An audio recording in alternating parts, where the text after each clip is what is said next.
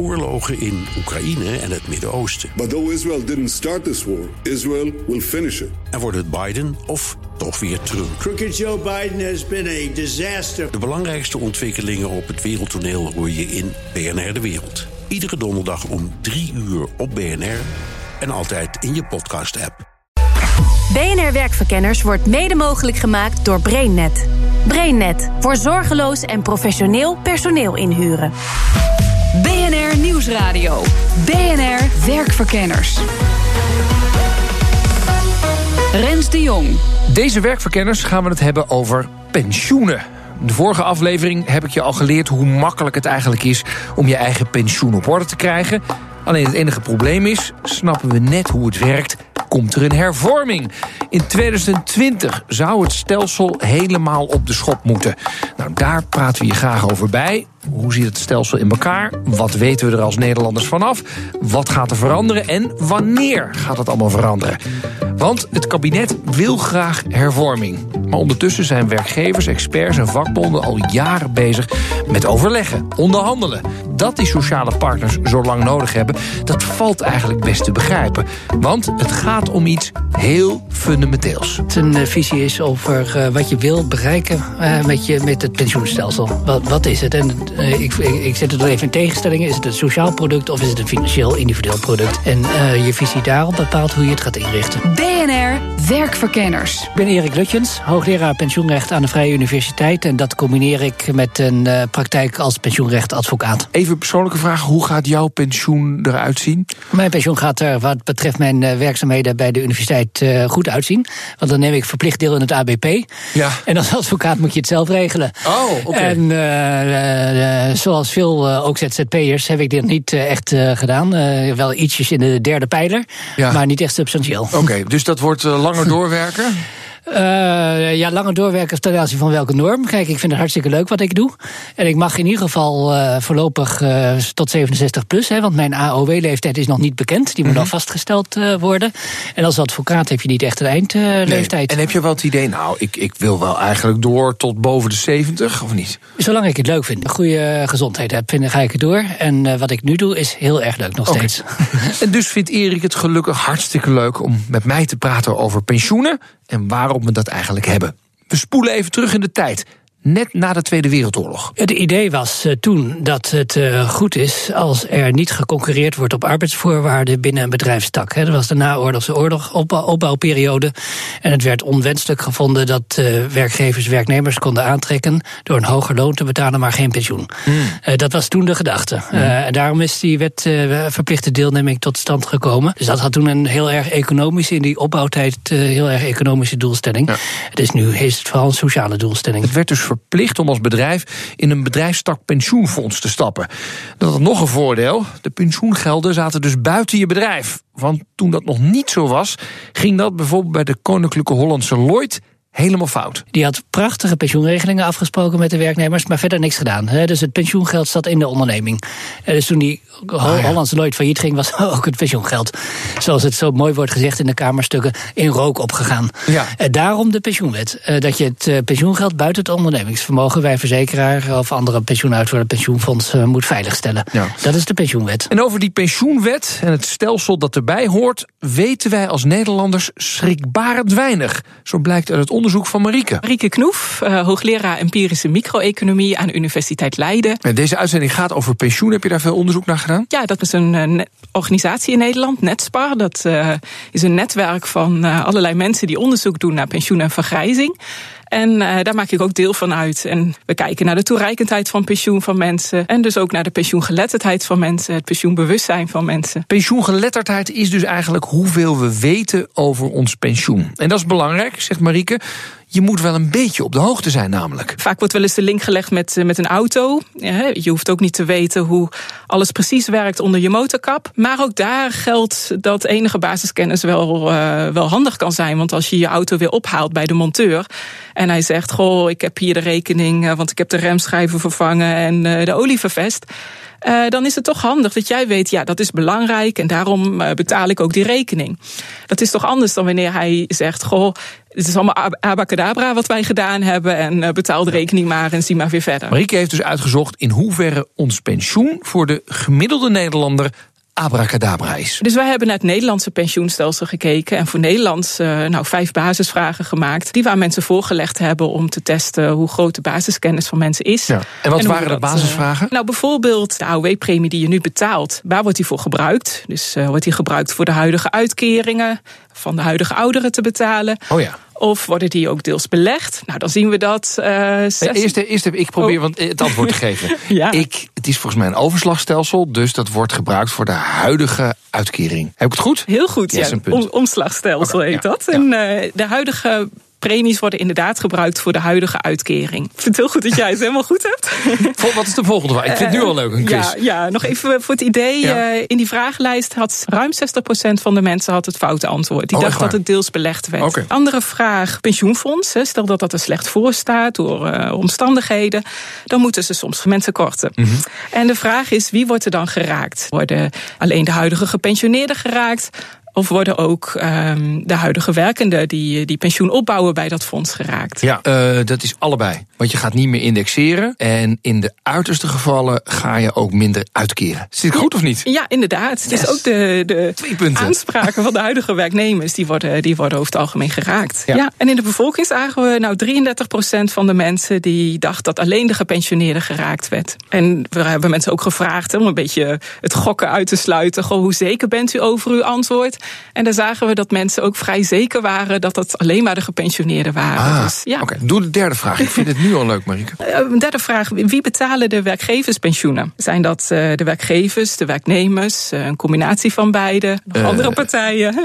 nee, dat betalen we uh, werkgevers en werknemers. Dus Ja. een gedeelte van mijn loon gaat eraf, maar de werkgever draagt volgens mij hetzelfde bedrag bij. Maar dat weet ik niet zeker eigenlijk. Inderdaad, het, het gedeelte dat ze bijdragen, dat is afhankelijk van, het, uh, van de pensioenregeling. Dat is uh, niet voor iedereen gelijk, maar over het algemeen dragen werkgevers en werknemers beide bij. Dus ook, dit is Ja. ook goed, hè, dit? Ja, en 80% van de Nederlanders had dit ook goed. Dus dat is een eh, makkelijke vraag. Dat is een van de makkelijkere vragen. De laatste vraag die ik nu vertel is, is was de moeilijkste vraag. Mhm. We hebben natuurlijk een beetje moeilijke en makkelijke vragen gesteld. Dit gaat over Lisa en Femke, dus twee uh, mensen die uh, dezelfde baan hebben.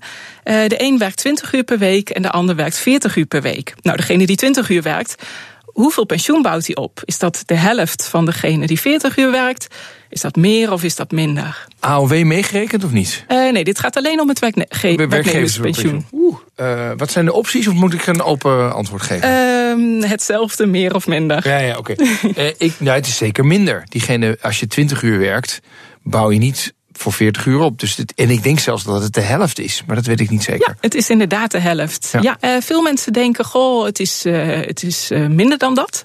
Je hebt de franchise, dat is een beetje moeilijk woord wellicht. Dat houdt er rekening mee dat je ook AOW krijgt. En daardoor hoef je over een gedeelte van je inkomen geen werknemerspensioenpremie te Mhm. mm -hmm. betalen.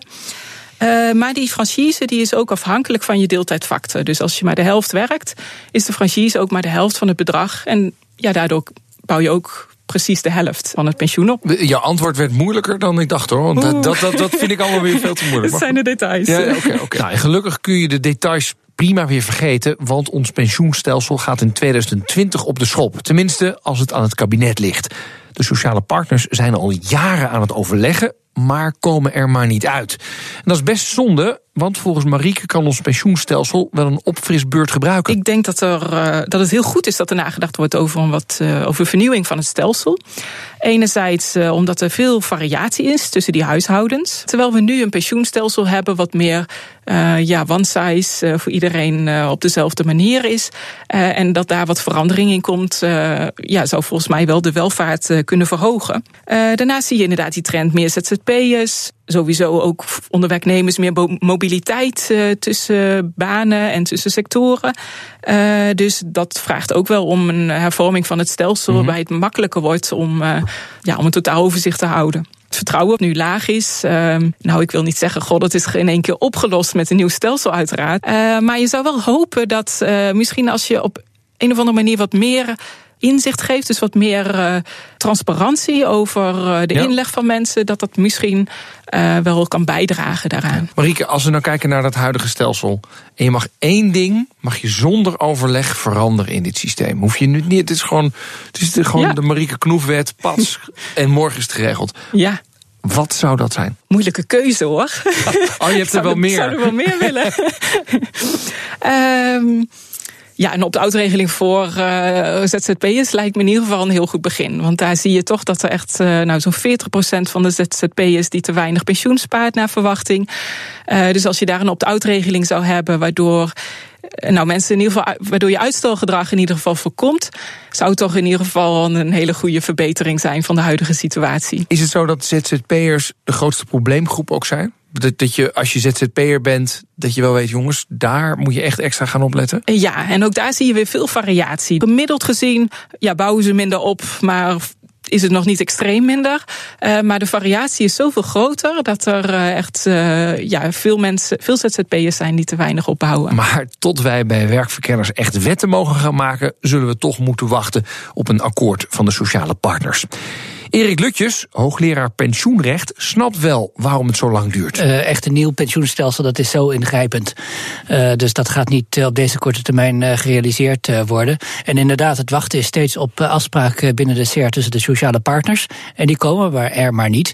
En ik denk toch dat het wachten daarop zal moeten zijn, omdat het over de arbeidsvoorwaarden gaat. En dan gaat de politiek, de overheid niet eenzijdig maatregelen opleggen, denk ik. En waarom vinden de sociale partners het zo lastig om het hierover eens te worden? Nou, omdat het wel om hele ingrijpende veranderingen gaat die gesuggereerd zijn door uh, het kabinet uh, in, uh, in het regeerakkoord. Hele ingrijpende veranderingen, wat echt toch een fundamentele wijziging van het grondslagen van het huidige pensioenstelsel ja. meebrengt. Is ons pensioenstelsel dan inderdaad aan vervanging toe? Ja, daar zijn visies verschillend op. dat is wel zeg maar de inzet van het regeerakkoord. ik heb het gevoel dat je bij zelf een beetje twijfelt. Ja, ik twijfel zelf heel erg. Uh, omdat uh, uh, ik vind dat wij het, ook internationaal wordt het als zeg maar, een van de beste van de wereld erkend. mensen bouwen op een gemakkelijke manier pensioen op. Het is allemaal geregeld. Ehm, veiliggesteld buiten het ondernemingsvermogen. Hele grote deelnamegraad van werknemers. Meer dan 90% van de werknemers zit in zo'n pensioenstelsel. dus, maar wat is er geen rekening mee dat, dat jij niet meer 40 jaar bij dezelfde werkgever zit, maar dat je dus he, over sectoren heen overal dingen kunt gaan opbouwen. Ja. Dat, uh, daar ja. was het in 1949 nog niet voor bedoeld. Nou, die arbeidsmarkt is wat dat meedoen. betreft heel erg veranderd ja. inderdaad. He, de flexibiliteit op de arbeidsmarkt. Aan de andere kant moet je het ook niet overdrijven. Uh, want de meeste veranderingen uh, binnen banen blijven toch binnen de bedrijfstak. Ja. Een verpleegster blijft een verpleegster, blijft deelnemer in het pensioenfonds Zorg en Welzijn. En iemand in de bouw blijft in de bouw werkzaam. En die ZZP'ers? Nou ja, maar de ZZP'ers die nemen sowieso niet deel aan het aanvullen van het pensioenstelsel. Dat is er helemaal niet op ingericht. Nee. Dus wat je kunt doen is dan zeggen, nou dan gaan we het hele stelsel ook voor de werknemers overhoop gooien. Of we gaan iets bijbouwen, ja, ja. dat die zelfstandigen er ook in kunnen deelnemen. Nee, ik zou zeggen dat laatste. En maak een bijgebouw. Er is ook best wel wat. Oké, okay, ja. Erik Lutjes wil graag een bijgebouw. Ja. Uh, in plaats van de totale fundering. Uh, in plaats van vervangen. helemaal afbreken en opnieuw opbouwen. Ja. Ja. Zometeen vertelt Erik hoe dat bijgebouw er dan uit moet zien. En hoor je een pensioenadviseur die er wel een nieuwe fundering onder wil zetten. BNR Nieuwsradio. BNR Werkverkenners.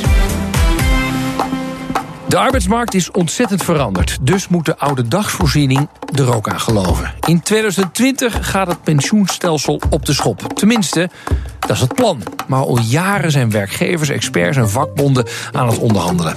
Hoogleraar pensioenrecht Erik Lutjes neemt het eisenlijstje van het kabinet met ons door. Nou, er zijn een aantal eikenpunten neergelegd in het uh, regeerakkoord. Dat is uh, het pensioenstelsel moet flexibeler, meer afgestemd op de moderne arbeidsmarkt. De doorsneepremie moet worden afgeschaft. Wat is dat ook alweer? De doorsneepremie is de premie die uniform is, zoals het wel heet. Dus die maakt geen onderscheid uh, naar leeftijd. Dat is het belangrijkste kenmerk. Geen onderscheid naar leeftijd van de werknemer. Dus er is, de premie maakt niet uit of je 30 bent of 58 bent. Je betaalt altijd hetzelfde. hetzelfde. betaalt altijd dezelfde premie en je krijgt voor die premie ook dezelfde opbouw in verhouding tot je actuele salaris van dat moment. Ja, en dat is nu zo. Dat is nu zo. Ja, en moet Eh, dat blijven volgens het kabinet? Het kabinet heeft gezegd dat moet worden afgeschaft. Dat vindt het kabinet een van de grootste obstakels op dit moment bij modernisering. En ook een belemmering voor eh, flexibiliteit op eh, de arbeidsmarkt. Nou, daar zijn eh, verschillende visies over of dat inderdaad zo urgent afgeschaft moet worden. En, en hebben ze nog gezegd waar het dan ongeveer heen moet? Het kabinet niet, maar de SER wel. Die heeft al gesproken over persoonlijke pensioenpotjes. Dat is een nog niet echt uitgewerkt plan. Dus het wachten steeds op die uitwerking en de voorwaarden en de condities. Eh, en daar eh, loopt het op vast. eh, omdat met name de vakbonden en de werkgevers binnen de SER daar verschillende visies over hebben. Over de mate van zekerheid die geboden moet worden in zo'n nieuw persoonlijk pensioenpotjesplan. En niet alleen werkgevers en vakbonden verschillen van mening over hoeveel zekerheid we moeten inbouwen in een nieuw pensioenstelsel.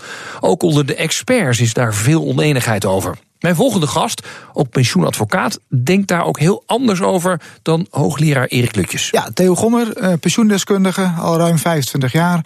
Actief als eh, consultant, advocaat, inleider, eh, schrijver. en ik bemoei me veel met het nieuwe pensioenstelsel. En Theo voorspelt dat de sociale partners er samen echt niet uit gaan komen. Omdat ze al jaren overleggen. En de meningen die zijn zo eh, extreem verdeeld. Hè, dan zeg even in de SER, eh, de kroonleden die zijn deskundig. Eh, de werkgevers die willen wel wat bewegen. Ehm, dat zullen ze ook wel moeten. Ehm, eh, de, de arbeidsmarkt wordt steeds krapper. Maar lees maar alles wat de FNV schrijft en zegt en doet. En het blijft maar doorgaan. Die zitten nog steeds in de lijn van zware beroepen. Mensen kunnen het niet volhouden. Mensen die vroeg zijn begonnen met werken. Ja, dat is echt het achterhaalde denken. Die zitten in vroeg pensioen eh, generatiepact. Ja, hallo, dat hebben we juist in 2005 afgeschaft. Hè, FUT en prepensioen, et cetera. Zet nu maar in op, ik noem het altijd employability en pensioen. Eerder gaan parttimen op je zestigste.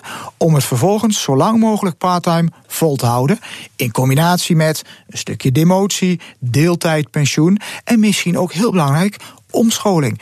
Ik ben er heilig van overtuigd dat elke baan na 25, 30, 35 jaar, daar ben je gewoon klaar mee. Ja. Gewoon de baan aan zich. En dan even een mooi voorbeeld vind ik in ieder geval een ambulancebroeder. Natuurlijk is die na 30, 35 jaar is die ook emotioneel, heeft hij zoveel meegemaakt, dat kan hij niet meer.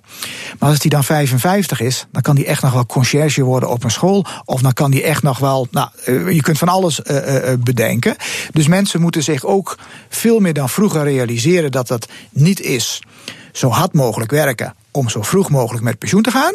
Nee, je moet zorgen dat je het zo lang mogelijk parttime volhoudt in een baan die je leuk vindt. En er hoort misschien wel omscholing bij. En daar hoef je niet alleen zelf voor te zorgen. Ook de bazen van Nederland mogen daar wel wat meer aandacht aan besteden. Dus ook de werkgevers die denken ook nog steeds ouderwets. Hoe krijg ik Pietje of Jantje die 62 is, niet meer functioneert? Hoe krijg ik die er zo goedkoop mogelijk uit? Nee, ga maar aan de slag met Pietje en Jantje. En dat had je misschien al vijf jaar eerder moeten doen. Om te zorgen dat hij wel dingen gaat doen zodat hij nog 10, 15 jaar tot zijn 70ste bij jou kan blijven werken. Het devies van Theo is dus meer werken aan employability. Maar het pensioenstelsel moet ook echt op de schop. Want hoe de pensioenfondsen opereren, dat is niet meer van deze tijd. Um, die zitten uh, uh, vastgeroest in, in, in oude denkpatronen. Um, dat mensen niet met hun eigen geld kunnen omgaan. En dat we nog moeten denken in uitkeringen. Die blijven maar hameren op. Um, en dat komt ook vanuit de sociale partners trouwens. En, en dan ook even met name de, de vakbonden, de FNV voorop. Dat we terug moeten naar vroeg pensioen. In plaats van dat ze alle energie zetten op meer eigen verantwoordelijkheid. Meer individualisering. de een wil op 60 stoppen, de ander wil tot 70 parttime doorwerken. De een heeft wel een partner, de ander niet. Iedereen heeft zijn eigen keus. Het is niet meer 40 jaar bij dezelfde werkgever in dezelfde branche. Het is niet of werknemer of ZZP'er. Het is heel vaak een combinatie. Dus geef mensen meer eigen verantwoordelijkheid. Nou, dan praat je over persoonlijke spaarpotjes. Dan praat je over wat is het bedrag wat ik heb uh, wat is, heb ik nodig en welke uitkering komt er ongeveer uit? In combinatie met laat mensen meer kunnen doen met hun pensioengeld dan wachten tot ze uiteindelijk met pensioen gaan. Baas over eigen pensioen dus. Theo is groot voorstander van het plan om over te stappen naar persoonlijke pensioenpotjes. Omdat mensen dan veel meer besef krijgen van ah, wat zit erin, hoeveel heb ik nodig. En dat ze dan veel meer getriggerd zijn um, uh, om zich daarin te verdiepen. Uh, ondanks het feit dat zich dat altijd moet vertalen. En wat levert mij dat dan vanaf mijn 68ste ongeveer levenslang op? Um, en ik denk ook dat uh, de huidige doorsneepremiesystematiek. Die paste bij 40 jaar bij Philips. Jongeren betalen voor ouderen en vice versa. Die tijd is gewoon voorbij, dus ga gewoon lekker sparen voor jezelf. Het traditionele pensioen is dus niet meer van deze tijd. En we moeten in persoonlijke potjes voor onszelf gaan sparen, zegt Theo. Hoogleraar pensioenrecht Erik Lutjes is het niet met hem eens. Ja, dat, dat, dat, dat zijn argumenten. Uh, maar pensioen is geen spaarpotje. Dat uh, hangt er vanaf wat jouw visie is op het pensioenproduct. Wat wil je bereiken met je pensioen? Regeling. Uh, wil je echt individuele spaarpotjes, dan, ja, dan moet je het ook individuele spaarpotjes maken waar je zelf over kunt beslissen. Maar dan heb je ook totaal geen zekerheid meer over de hoogte van je pensioen. Want dat hangt af van dat spaarpotje. Terwijl nu het stelsel op solidariteit is uh, gebaseerd, collectiviteit. En uh, je krijgt een pensioenopbouw gerelateerd aan je snaris in een bepaald jaar. Mm. Tegen iedereen dezelfde premie. Nou, de vorige aflevering heb ik geleerd hoe je nou kijkt of je nou voldoende pensioen opbouwt. Nou ben ik zelf ondernemer, dus ik moet het helemaal zelf een beetje regelen. Ik zit niet in de pensioenfonds. Um, wat ik in die uitzending erachter kwam, dat het op zich niet heel moeilijk is om daarover na te denken. Mm -hmm. uh, discipline is misschien een ander mm -hmm. ding, maar het is best te doen. Moet je dat dan allemaal nog wel gaan regelen? Moet je gewoon tegen mensen zeggen: joh, je moet goed voor je oude dag zorgen. Zorg dat je het regelt. Nou, dit is wel belangrijk als je niet alleen op de AOW aangewezen wil zijn nee, om dat iets te regelen. Dat, dat, klopt. Maar de vraag is dan, moet je dan Ja. niet gewoon tegen mensen zeggen... ja, nou ja, ga dat gewoon zelf regelen. Ik bedoel, er zijn voldoende producten om dat goed te doen. Je kunt daar eh, allerlei keuzevrijheid in hebben. Je weet dat het eraan komt. Je weet dat je na je pensioneren 20 jaar ongeveer leeft. Nou, ga daar eens even een plan op maken. Waarom moet Ja. het allemaal collectief gedaan worden? Ja, omdat het vanuit de overheid toch, ook belangrijk wordt. In ieder geval ook, nou laat ik zeggen, niet alleen vanuit de overheid. Laat ik het even concentreren weer op de werkgevers en werknemers onderling. Hè, want uh, het is een arbeidsvoorwaarde. Werkgevers en werknemers vinden het belangrijk om daar te zorgen voor hun werknemers ook. En dat ze niet, uh, doordat ze het overlaten, uh, werknemers niks gedaan hebben. En na pensionering dan terugvallen in inkomen. Of een ander verhaal, wat altijd gesteld wordt met de huilende weduwe aan de poort. Hè. Dat willen uh, werkgevers uh, ook niet. Daarom wordt er uh, voor gezorgd. En ja, ook werkgevers vinden tegenwoordig een belangrijke arbeidsvoorwaarde om dat te kunnen aanbieden. Kijk Ja. eens, we hebben een goede pensioenregeling. En als je het echt overlaat, ja, dan is toch de ervaring, dan gebeurt het heel weinig. Dan zullen werknemers heel weinig die keuze maken, zeker op jonge leeftijd, eh, met nog lagere inkomens en nog andere inbestedingsverantwoordelijkheden, zullen ze heel weinig de keuze maken om dat voor pensioen eh, te gaan eh, investeren. Als ik jou zo hoor, dan ben je er ook voor dat de ondernemers en ZZP'ers verplicht in dat bijgebouw gaan, of niet? Ja, want zonder verplichting gaat het uh, niet gebeuren. He, dat, uh, dat, dat, dat, kun je nu niet helemaal zien. Hoe, he, want dat ze kunnen heel, nauwelijks toegang krijgen tot die tweede pijler. Ze zijn echt op die derde individuele derde pijler producten aangewezen. Maar ook als zij collectief in een uh, soort van ZZP, algemeen pensioenfonds, wat ik een goed idee zou vinden om dat mogelijk te maken door wetgeving. Als ze daarin de vrije keuze hadden, zouden hebben om daarin in te stappen, dan gaat het ook nog heel weinig gebeuren. Ja. Dus ik ben voorstander voor een verplichting. Ook vanuit maatschappelijke uh, zorgverantwoordelijkheid wordt dat, uh, wordt dat wenselijk gevonden door een aantal mensen. Daar ben ik het mee eens. Uh, want er gaat wel grote verschillen ontstaan tussen werknemers die wel sparen en dan straks een pensioen hebben en daarom minder een beroep kunnen doen op zorgverantwoordelijkheid van de overheid. En ZZP'ers die niks doen, geld uitgeven mm -hmm. en dan wel straks een beroep kunnen doen op zorgverantwoordelijkheid. ja, dus dat, dat, daar, daar moet meer evenwicht in komen. Dus mede-ondernemers, geef het goede voorbeeld en spaar netjes voor je oude dag. Maar of dat nou verplicht moet zijn. Tja, nou, ik begin in ieder geval steeds beter te snappen waarom die sociaal partners er maar niet uitkomen. Het is maar net waar je je prioriteiten legt. Wil je zelf kunnen beschikken over je pensioengeld en het uit kunnen geven wanneer je dat wilt en aan wat je dat wilt? Ja, dan snap je dat Theo het pensioenstelsel op de schop wil doen. Vind je het belangrijk dat we met z'n allen risico's delen? Dan is het huidige pensioenstelsel helemaal zo gek nog niet. En internationaal ook nog eens een keertje heel hoog aangeschreven. Is maar de vraag of er voor 2020 überhaupt een voorstel komt... waar de sociale partners het over eens zijn. Laat staan dat er hervormd wordt. En als er al hervormd wordt, ja, wanneer we daar echt iets van gaan merken... dat is nog maar de vraag. Zorg nou in ieder geval dat je nu je eigen pensioen op orde krijgt. En onthoud hoeveel krijg ik, wanneer en is het genoeg. Nou, Voldoende werkverkenners heb je natuurlijk nooit. Dus abonneer je op onze podcast. We zijn te vinden op iTunes, op Spotify, op de BNR-app, op LinkedIn en op bnr.nl/slash werkverkenners. Tot de volgende keer.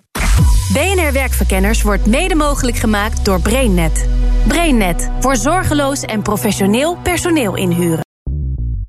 Bij BNR ben je altijd als eerste op de hoogte van het laatste nieuws. Luister dagelijks live via internet. Bas van Werven. En heel langzaam komt de zon op rond dit tijdstip. Je krijgt inzicht in de dag die komt op BNR, het Binnenhof in Nederland en de rest van de wereld. De Ochtendspits. Voor de beste start van je werkdag. Blijf scherp en mis niets.